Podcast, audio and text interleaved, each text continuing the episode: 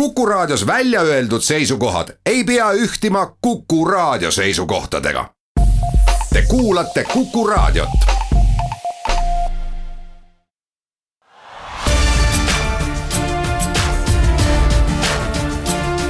linnaveerand tere, head Kuku raadio kuulajad, eetris on taas kord Viljandi linnaveerand ja täna, nagu ikka, räägime jälle mitmel teemal. näiteks tuleb juttu Viljandi kaasavast eelarvest, Viljandi kitarrifestivalist, aga ka Ugalas kuueteistkümnendal oktoobril esietenduvast lavastusest Kuidas minust sai narkomaan. mina olen saatejuht Ingela Virkus juba kuuendat korda saavad Viljandi elanikud kaasa rääkida selles osas, et kellele jagatakse kolmkümmend tuhat eurot Viljandi eelarvest. eile lõppeski ideede esitamine ja novembris algab hääletus. miks see oluline on, et linlased eelarve osas kaasa saaksid rääkida, millised ideed sel korral laekusid ja kuidas oma lemmiku poolt hääletada, selgitas mulle Viljandi linnavalitsuse avalike suhete spetsialist Johann Kristjan Konovalov kaasava eelarve algne mõte ongi selles, et Äh, kaasata linnainimesi rohkem linnaeelarve protsessi koostamisse. ühelt poolt selleks, et äh, inimesed mõistaksid paremini, kuidas äh, linnaeelarve kujuneb ja teiselt poolt selleks, et nad saaksid välja käia konkreetseid ideid, objekte, millesse rahaliselt panustada. et Viljandis on kaasavat eelarvet nüüd tehtud juba kuus aastat ja mina julgen küll öelda, et äh, viljandlased on hakanud rohkem mõistma seda, et kuidas äh, mõne ehituse või remondi äh, hind kujuneb, sellepärast et algul võib tunduda, et see kolmkümmend tuhat eurot on väga suur raha ja ühe inimese jaoks ta kindlasti ongi väga suur raha.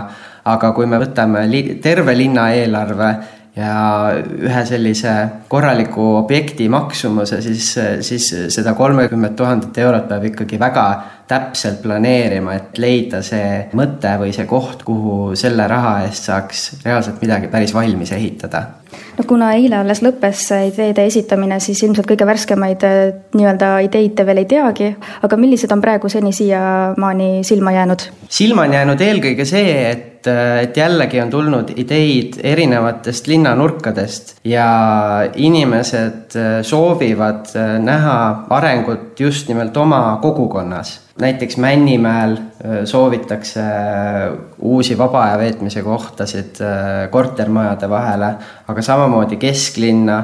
Paalajärv on endiselt tähelepanu keskmes, et see mõnes mõttes näitab ära, kus on sellised Viljandi laste jaoks siuksed vaba aja veetmise sõlmpunktid, et kuhu kogunetakse. ja ma arvan, et tuleb taaskord väga põnev hääletus, sest toredaid ettepanekuid laekus õige mitu kuidas nüüd edasine välja näeb, kuidas see hääletusprotsess täpsemalt käib? nüüd äh, lähipäevadel ja nädalatel koguneb äh, Viljandi linnavalitsuse spetsialistidest koosnev komisjon, kes vaatab kõik need ideed üksipulki läbi ja hindab seda, kuidas need vastavad kaasava eelarve korras seatud reeglitele, kas need on teostatavad kolmekümne tuhande euro eest ning kas neid on võimalik teostada järgmise kalendriaasta jooksul, mis on samuti üks kaasava eelarve tingimustest. ja kõik need ideed, mis nendele tingimustele vastavad, saadetakse siis rahvahääletusele. hääletus ise toimub üheteistkümnendast kahekümne viienda novembrini. elektrooniliselt saab hääletada volis.ee keskkonnas, kus käis ka ettepanekute esitamine või siis kohapeal Viljandi raekojas. kui ettepanekuid said esitada kõik inimesed, olenemata elukohast, siis hääletusel saavad osaleda ainult Viljandi linnas registreeritud elanikud. üks oluline nüanss on veel, et hääletada saavad inimesed alates kuueteistkümnendast eluaastast. et nagu ka nüüd viimastel kohalikel valimistel, nii on ka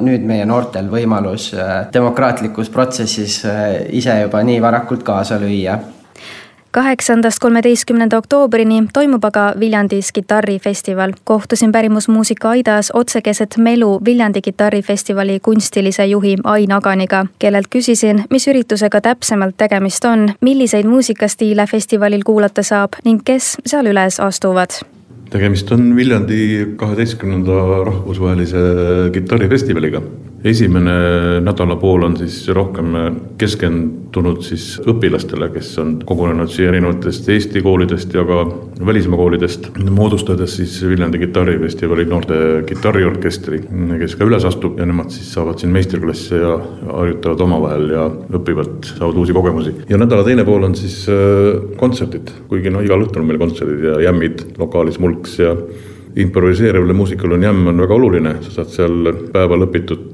kohe püüda siis rakendada.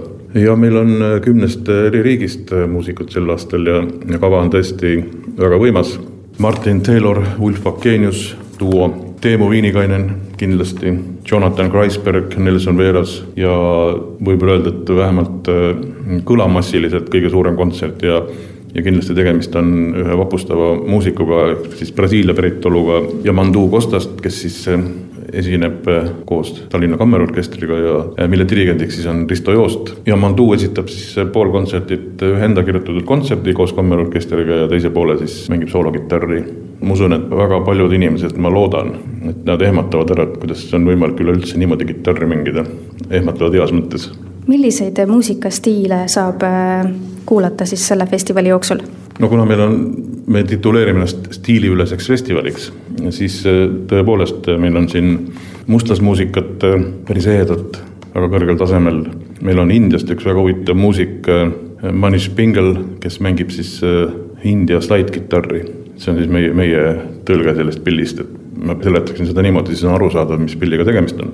ja muidugi on meil siin, nagu ma eelpool nimetasin, Brasiilia artiste, ka Nelson Veelas on Brasiilia päritoluga ja muidugi Ameerika väga jõulisi, natuke modernse džässi helikeelega muusikuid, ehk siis eelkõige Jonathan Kreisberg, see kava on pikk. et siin nagu ette lugeda äh, läheb pikaks tõepoolest, selle festivali kava on võimsam kui eelnevatel aastatel, aga proovime, vaatame, mis saab festival annab välja iga-aastast Tiit Pauluse nimelist noore kitarrimängija preemiat. kas on juba teada, kes selle saab? ei ole veel.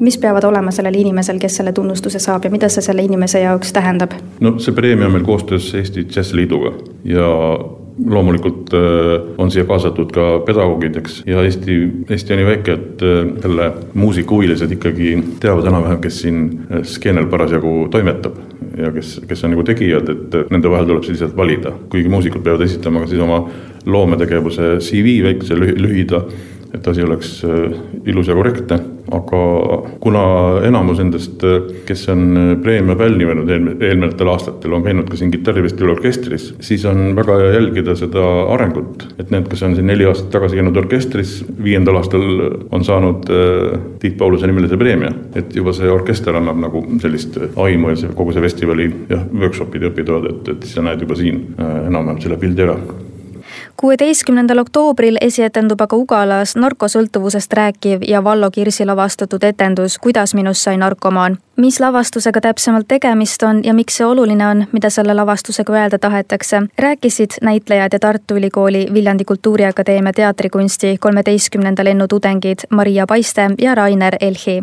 minu arvates väga suurt äh, probleemi jäädvustav tükk, milleks on siis narkosõltuvuse teema ja tegelikult ma laiendaks selle sõltuvusele kui sellisele, et kui võib-olla fentanüülisõltlane tundub selline kauge karikatuurne tegelane, kuidagi mitte võib-olla käegakatsutav igaühele, et siis sõltuvused üldiselt on ilmselt meile kõigile kättesaadavad, et kes ostab krõpsupaki ja noh, kes teeb trenni üleliia palju näiteks, et ja noh, samamoodi alkoholi tarbimine.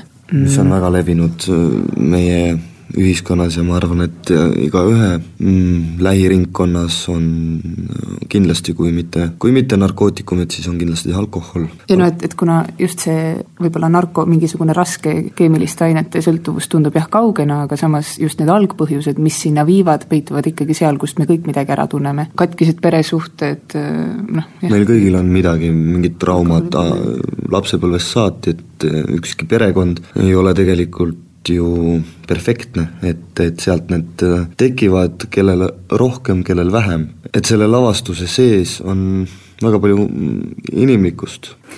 kui äh, lihtne või keeruline on teil nende peategelaste rollides elada? ma võin seal mängida ja minna sisse, aga ta on väga keeruline maailm, et, et, et kas ma lõpuni, lõpuni ei saa ma võib-olla teada sellest kõigest, aga ma suudan läbi empaatia võib-olla viia ennast lähedamale sellele olukorrale ja mõista seda olukorda no minu jaoks see protsess on kindlasti ka avanud seda narkomaani mõistet igasuguste muude külgede alt kui sealt, et see tähendab tingimata kedagi mm -hmm. allpool vaesuspiiri elavat, noh, Koplis mingit inimest, et see võib väga vabalt olla mõni väga heal elujärjel inimene, ma ei tea. ja vahel see niimoodi ongi. jah, et, et ülikoolis käiv ülikooli haridusega, väga tähtsal kohal kuskil firmas töötav, et et, et me näitame lavastuses ka neid külgi, et see ei tähenda tingimata seda, et ja no narkootikume on väga palju erinevaid tegelikult ja kuidas lõpuks jõutakse kuhugi, et väga klišee näide võib-olla on Ameerika võime tuua, et noh, tegelikult kui paljud äh, tuntud inimesed tarvitavad aineid ja kui palju loomingut tegelikult, muusikud, äh, näitlejad, äh, filmimehed, ühesõnaga väga palju on tegelikult neid inimesi, kes väga palju teevad. tarvitavad, tarvitavad, aga, aga just, et aga nendel, nendel puhkudel me ei kasuta seda sõna narkomaan, et, et kui levinud see asi tegelikult on, et kui, kuidas me tegelikult võõrutusravil käinud kuulsus on, jah, kuulsusi on hästi palju. jah, see on huvitav, et ühiskond osade inimestega teeb maha need inimesed, kes tarvitavad narkootikume, aga osad inimesed, kes on piisavalt kuskil heal elujärjel, et tegelikult noh, ta ongi selline kui palju te ise pidite ennast kurssi viima enne proove sellega, et milline see narkootikumide maailm on ja milline see narkomani elu võib-olla on?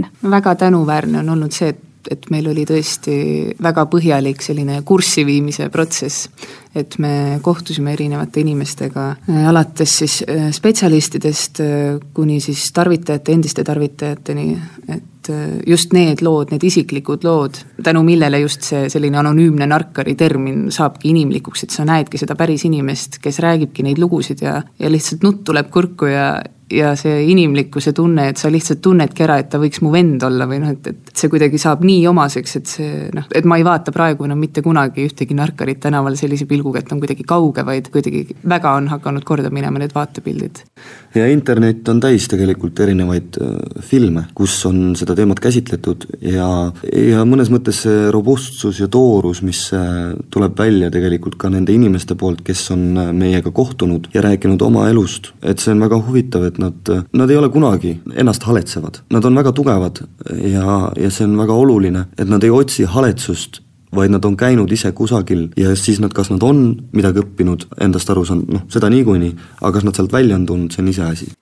Selleks korraks ongi aga kõik, suur aitäh kuulamast, mina olen Ingela Virkus, soovin teile ilusat algavat nädalavahetust ja kohtume Viljandi linnaveerandi saates juba varsti jälle